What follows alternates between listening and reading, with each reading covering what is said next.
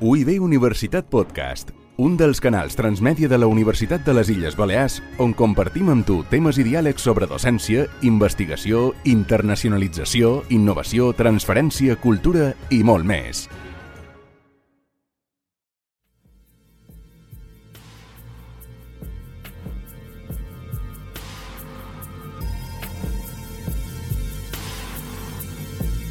Hola, aquest és el segon capítol d'En quin món vivim, un podcast en què no mos hi posam per que parlam de grans temes que marquen un canvi d'era.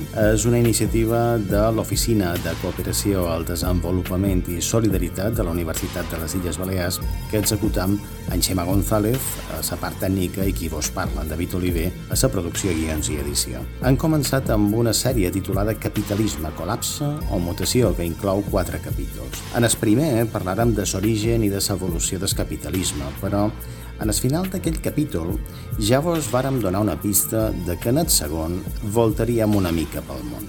Ja vos avançàrem algunes paraules d'un pescador senegalès, no sé Inu Ndongo, però anem a pams.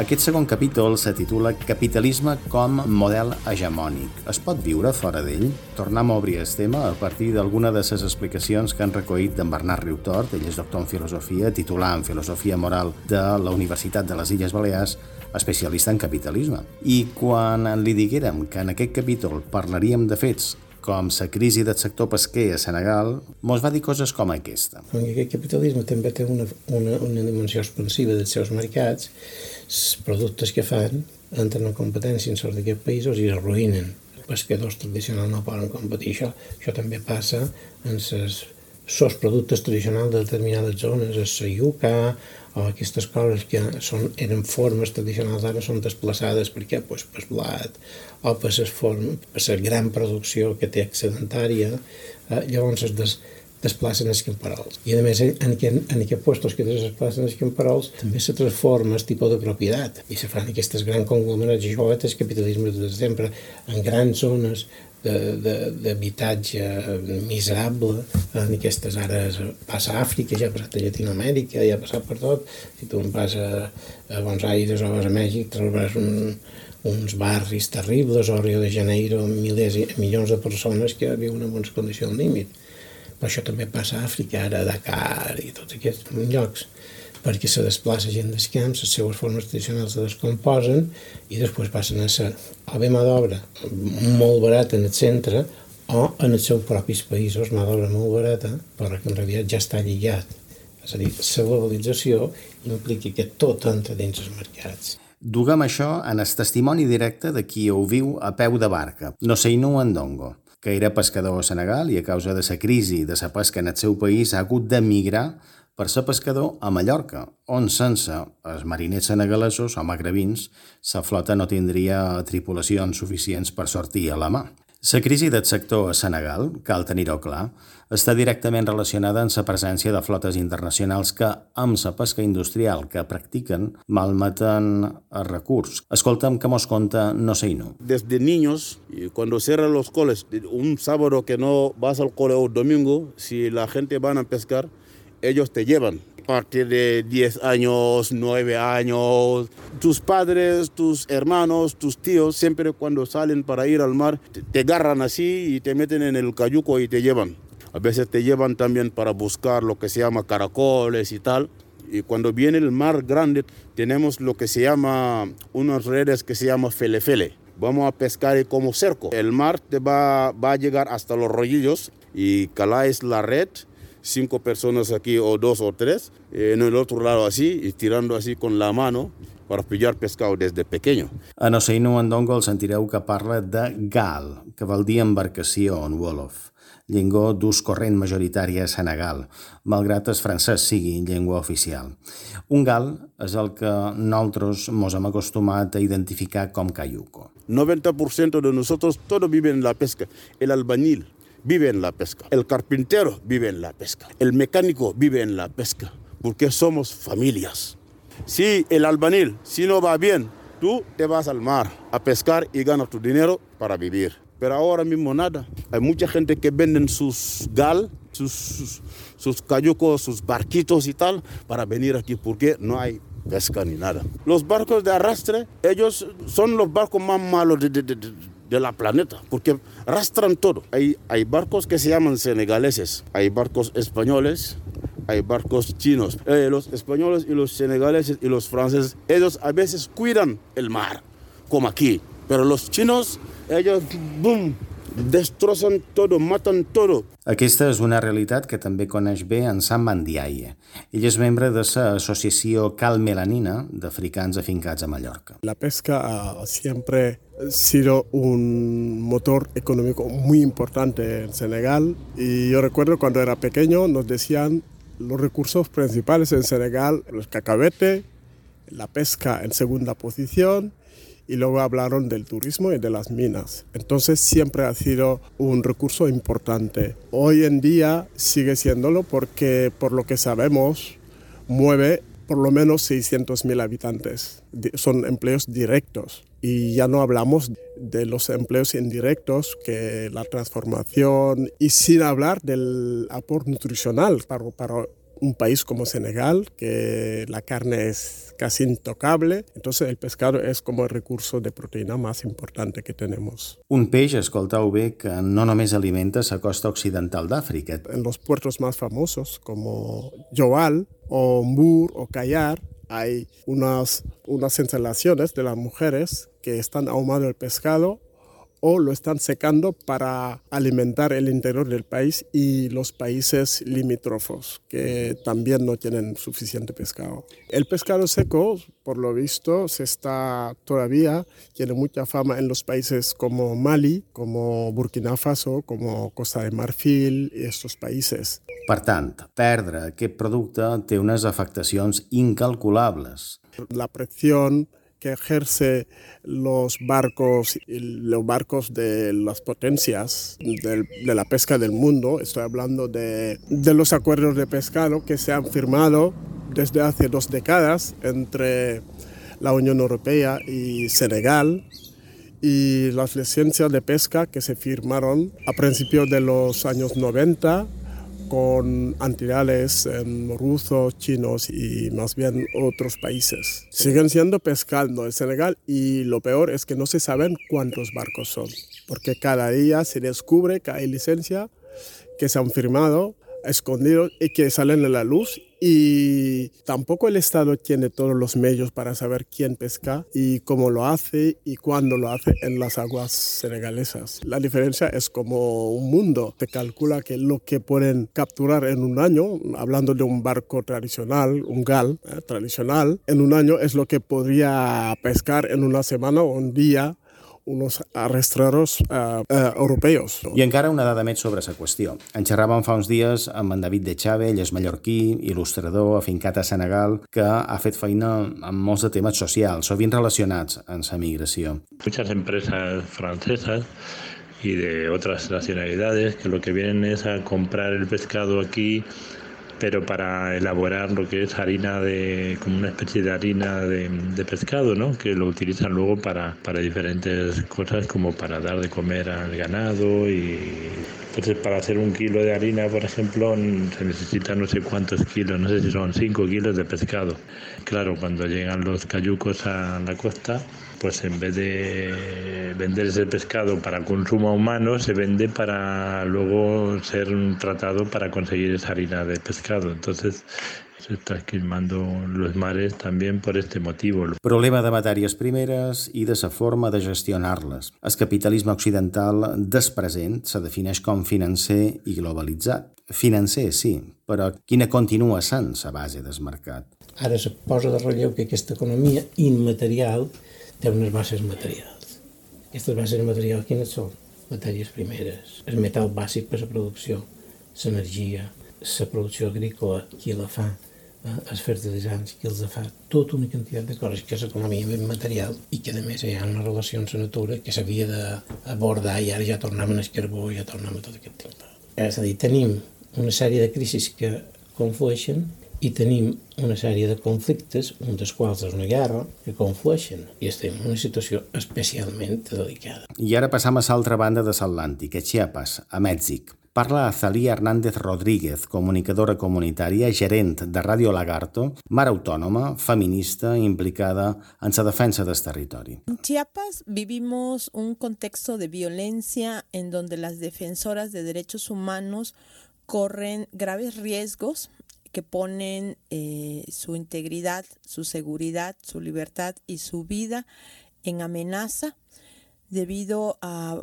distintas formas de violencia, eh, las institucionales, las vinculadas al crimen organizado, pero también como mujeres afrontamos las violencias cotidianas eh, de una entidad que está considerada entre los primeros lugares en índices de feminicidio. Aquí tenemos municipios en el que vivo está incluido con alertas de violencia de género en donde son las mismas defensoras de derechos humanos quienes durante muchos años eh, hemos luchado juntas para poder defender nuestras vidas. Estos riesgos particularmente afectan a aquellas mujeres que han decidido organizarse en defensa de su territorio de lo que nosotras llamamos la madre tierra, están construyendo formas de relación alternas al sistema de muerte, el capitalismo, y en sus comunidades se organizan,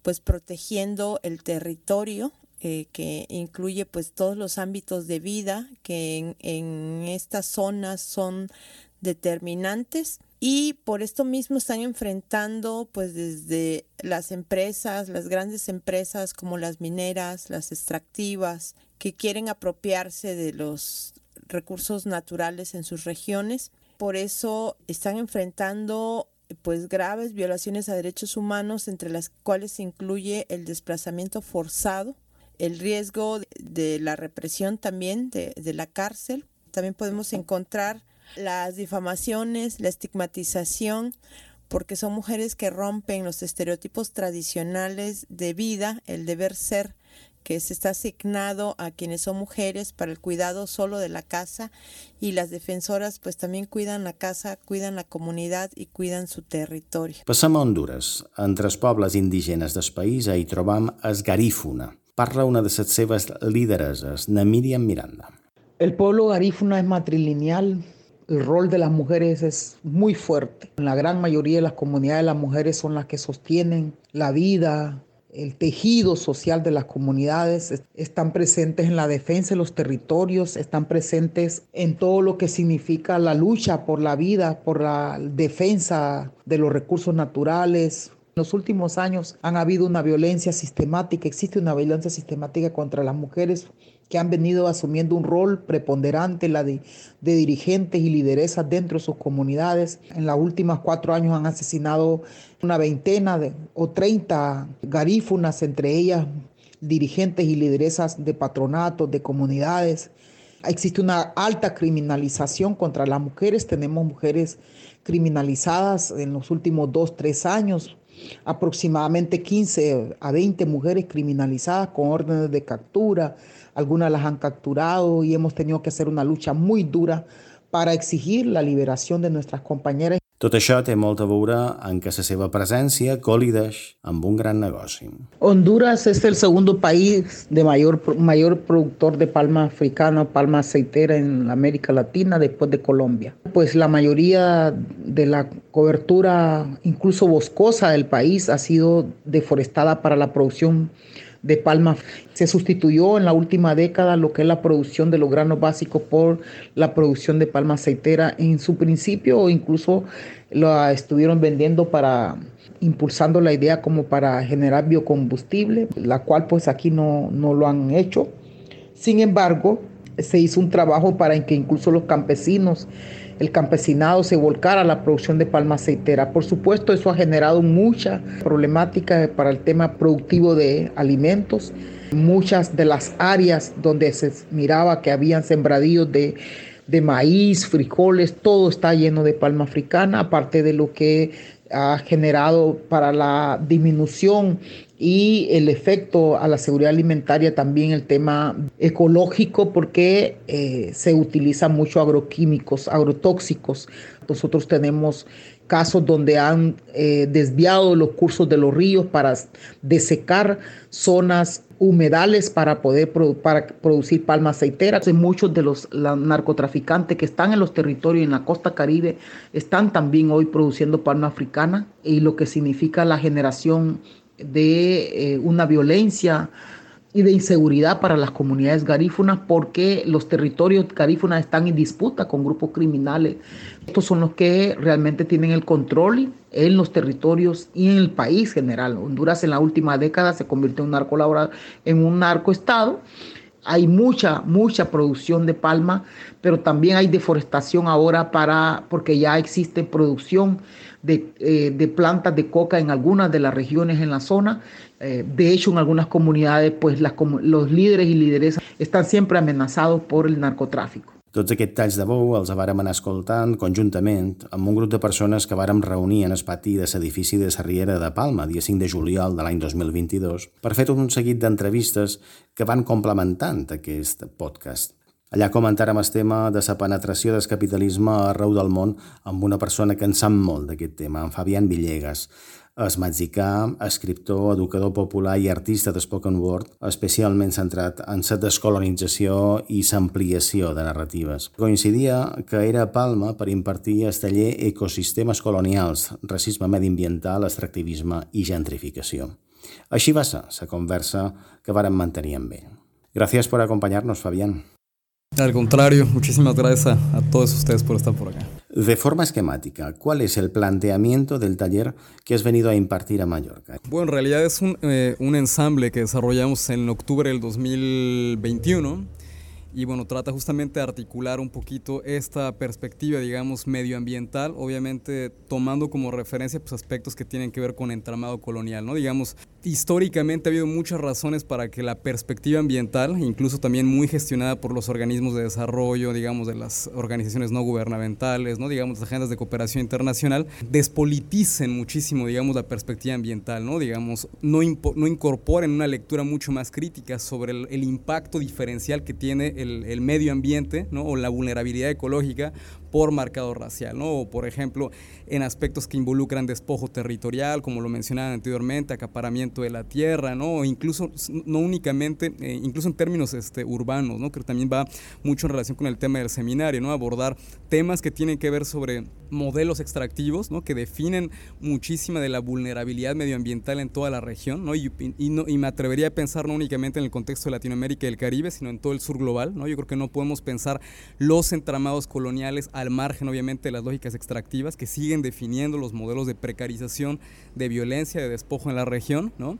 Y obviamente también aspectos incluso que tienen que ver con los modelos de ciudad, cómo habitamos la ciudad y cómo realmente también pensamos esta noción de ecosistema también desde una perspectiva mucho más amplia de modelo de ciudad, de injusticia espacial, de segregación espacial, de modelos de injusticia espacial que obviamente generan, digamos, ¿no? ciertas formas de zonificación y de injusticia racial. Entonces realmente es entender o tratar de apelar a poder ver una perspectiva del medio ambiente desde una lectura de racismo institucional o una lectura, digamos, si lo queremos ver de otra forma, una lectura, digamos, mucho más crítica sobre la perspectiva ambiental desde una perspectiva anticolonial, antirracista, etcétera, etcétera.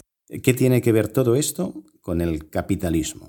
Históricamente siempre han tenido relación, ¿no? Creo que de toda la vida. Creo que es interesante, ¿no? Eh, usualmente, probablemente desde los años 80, la noción de extractivismo ha tenido mucho más vigencia, ¿no? Digamos, en la discusión pública, vamos a pensar a través de la tema de, las, de la megaminería, vamos a pensar así, pero la noción de extractivismo es histórica, no podemos pensar el, el modelo de expansión territorial del colonialismo al margen de las lógicas extractivas, es decir, el, el, siglo XVI nace realmente como un horizonte profundamente extractivo, incluso, creo que también es importante, eh, la, construcción del Estado-nación en Latinoamérica no puede pensarse sin realmente una lógica de colonialismo interno, una lógica extractiva en relación también a pueblos originarios, pueblos afrodescendientes, pueblos indígenas de manera ampliada. Entonces, creo que va por ahí. No podemos pensar el desarrollo del capitalismo, ¿no? la modernidad capitalista al margen del colonialismo. Hay ciudades enteras que se construyeron en, torno al extractivismo. No podemos pensar el Museo de Inglaterra al margen de la expoliación y el pillaje que generaron a través de la economía de plantación en, en Jamaica,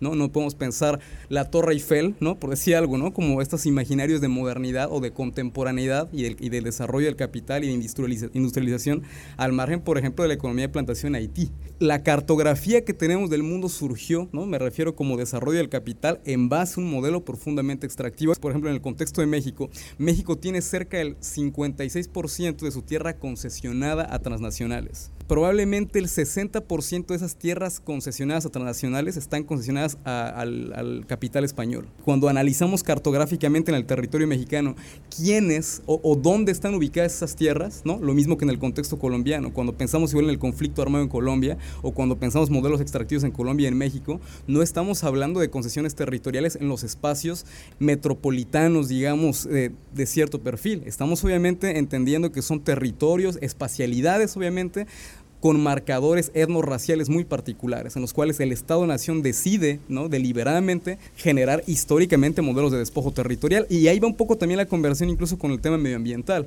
En México, todos los proyectos, por ejemplo, de eólicas, bajo la narrativa del conservacionismo ecológico liberal, dicen, bueno, este, estamos generando energías limpias, ¿no? Y todos los análisis de esas empresas o esos modelos de, de eólicas en el contexto mexicano se piensan desde el impacto medioambiental. ¿no? como energías limpias, sin, sin importar lo que implica en términos de despojo territorial. O sea, cómo también el modelo de gestión medioambiental liberal tradicional también forma parte de una lógica colonial. ¿no? Estamos hablando de sistemas de ancestralidad, modelos de organización comunitaria, modelos de sostenibilidad.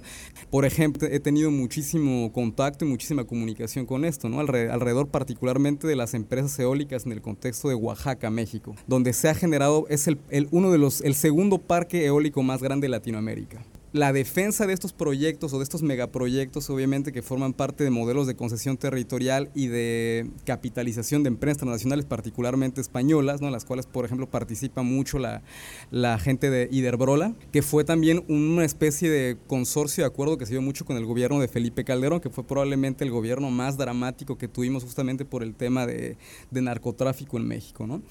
Entran al territorio, ¿no? digamos, bajo esta noción del impacto medioambiental. Es decir, y construyen obviamente técnicas, técnicos, ¿no? analistas, consultoras, consultores, ¿no? que les permiten entrar únicamente bajo la narrativa del impacto medioambiental. Como si los temas sobre despojo territorial, concesión territorial, ¿no? formas de organización comunitaria, ¿no? formas, digamos, de ancestralidad, ¿no? que son intergeneracionales en relación a cómo se relaciona uno con la tierra, ¿no? formas de tenencia colectiva, derechos colectivos, derechos comunitarios, y me voy más lejos, incluso formas de pluralismo jurídico que definen los modelos, digamos, de habitar la tierra, no importaran dentro de la perspectiva de impacto medioambiental. Si me explico, la, noción o, la, la narrativa de impacto medioambiental se pone por encima de todo eso. Me vienen a la cabeza casos como el de Kenia o Tanzania, donde para la preservación de espacios naturales, de su fauna, se ha desplazado a pueblos que vienen habitando ancestralmente esas zonas de forma, diríamos que sostenible. Claro, yo, yo creo que poniendo como, como correlación el continente africano es exactamente lo mismo. O sea, el continente africano actualmente tiene unos problemas serios de concesión territorial. O sea, la cantidad de tierra que se, están, que se está comprando, o sea, capital francés, capital español, capital chino, este, por ejemplo, en Congo, es alarmante. Y obviamente también es eso, no podemos pensar incluso las la territorialidad ¿no? africana al margen de las lógicas extractivas. La cartografía del continente, ¿no? me refiero a partir del Congreso de Berlín de 1885, no se puede pensar si no es justamente desde este interés totalmente cartográfico y extractivo. Entonces, esto que mencionas es importante. En México tenemos un debate ahora importante sobre eso, es justamente la construcción de un tren que va a pasar justamente, va a atravesar eh, la selva, ¿no? se, llama Tren Maya, va, digamos que va a atravesar pues, selva y territorios, ¿no? Ecosistemas pertenecientes a las comunidades mayas del sur del país, ¿no? Entonces la discusión es esa, obviamente hay una noción permanente, ¿no? De, de desarrollo, ¿no? Este, de, de, de zonificación turística, ¿no? Obviamente, pero qué implica en términos medioambientales y qué implica también para la comunidad. Es decir, cómo se construye también este relato, ¿no? digamos, de, de folclorización ¿no? De inferiorización, de folclorización como una narrativa también muy construida desde el Estado, ¿no? De zonificación turística, ¿no? De, este, de vitrina, de exhibición, pero que obviamente no es en lo más mínimo como perspectiva económica, como perspectiva o como modelo de desarrollo, no es en ningún sentido ni redistributivo, ni reparativo, ni restaurativo para las comunidades. Obviamente responde a esta noción, eh, y creo que también es importante mencionarlo, con esta noción no únicamente de norte global y sur global, cómo el Estado nació en Latinoamérica, el Estado colombiano, el Estado mexicano, el Estado hondureño, construyen una noción totalmente de patrimonio, de recurso natural, o de patrimonio nacional basado en una lógica totalmente antropocéntrica, extractiva, ¿no? de los recursos que son propios de las comunidades este, indígenas, de pueblos originarios. Y Fabián, ¿de, qué modo se puede trabajar para desarticular todo eso? ¿Dónde están las alternativas cuanto a forma de vida, de sociedad? Yo creo que hay modelos de economía solidaria, formas de sostenibilidad, me atrevo a decirlo, formas de sostenibilidad que no necesariamente incluso están traducidas académicamente, ¿no? sino me refiero formas de sostenibilidad que, que permiten la reproducción de la vida comunitaria en las comunidades, ¿no? o sea, es, es, la realidad. En términos de, vuelvo, lo repito, de economía solidaria, de formas, digamos, alternativas de producción, formas, y vamos a decirlo de esta manera, formas de redistribución distintas, formas de derechos colectivos, ¿no? de tenencia colectiva, de propiedad comunitaria, que creo que son importantes. ¿no? Yo creo que el punto es cómo en un ejercicio de imaginación política creamos verdaderamente alianzas, creamos verdaderamente metodologías, creamos verdaderamente este, articulación. Es eso, ¿no? Pensarnos también desde una experiencia mucho más colectiva de articulación, de diálogo y de traducción. Definitivamente la manera en la cual pensemos eh, medio ambiente desde la experiencia, por ejemplo, de el Cauca, puede ser diferente a cómo pensamos medio ambiente en el contexto de Barcelona, ¿no? Cómo se crea el modelo de ciudad de Barcelona.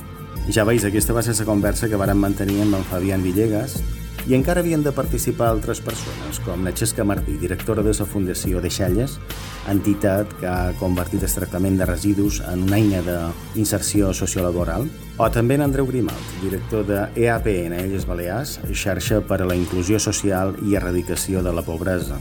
Però els podreu escoltar en el capítol 3 d'aquesta sèrie, Capitalisme i desigualtat, propostes per revertir-la. No vos ho perdeu, seguiu-nos. Seguiu en quin món vivim. Pesades.